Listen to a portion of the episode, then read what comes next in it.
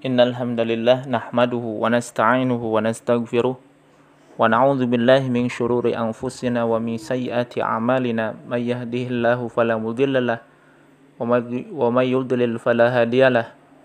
أشهد أن لا إله إلا الله وحده لا شريك له. أشهد أن محمدا عبده ورسوله الذي لا نبي بعده. أما بعد فقال الله تعالى في القرآن الكريم أعوذ بالله من الشيطان الرجيم. وما كان الله ليعذبهم وأنت فيهم وما كان الله معذبهم وهم يستغفرون الآية Surat Al-Anfal ayat 33 Pada kali ini kita akan membahas mengenai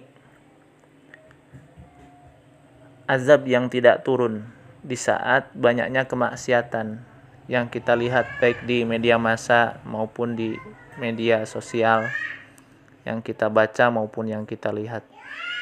Berbagai kemaksiatan melanda dunia ini. Akan tetapi kenapa Allah Subhanahu wa taala belum juga menurunkan azabnya kepada yang berbuat maksiat? Padahal kemaksiatannya sudah begitu luar biasa. Contoh seperti merebaknya pembunuhan, minuman keras, bahkan perkawinan sesama jenis, pelegalan perkawinan sesama jenis. Ini merupakan kemaksiatan yang luar biasa. Dan ternyata ada dua hal. Dan ternyata ada dua hal yang menghalangi itu semua. Dua hal itu yang satu sudah tidak ada sedangkan yang satu lagi masih ada. Ini di, diinformasikan oleh Allah Subhanahu wa taala di dalam salah sebuah ayatnya surat Al-Anfal ayat 33. A'udzu billahi minasyaitonir rajim. Wa ma kana Allahu liyu'adzibahum wa anta fihim.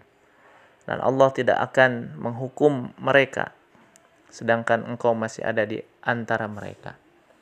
Yang pertama, yang menghalangi azab turun kepada kita adalah hadirnya Nabi Muhammad SAW.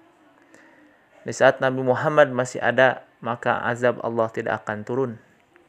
Akan tetapi pada zaman ini Rasul sudah meninggal dunia hampir 1400 tahun yang lalu. Lalu kenapa azab pun belum turun?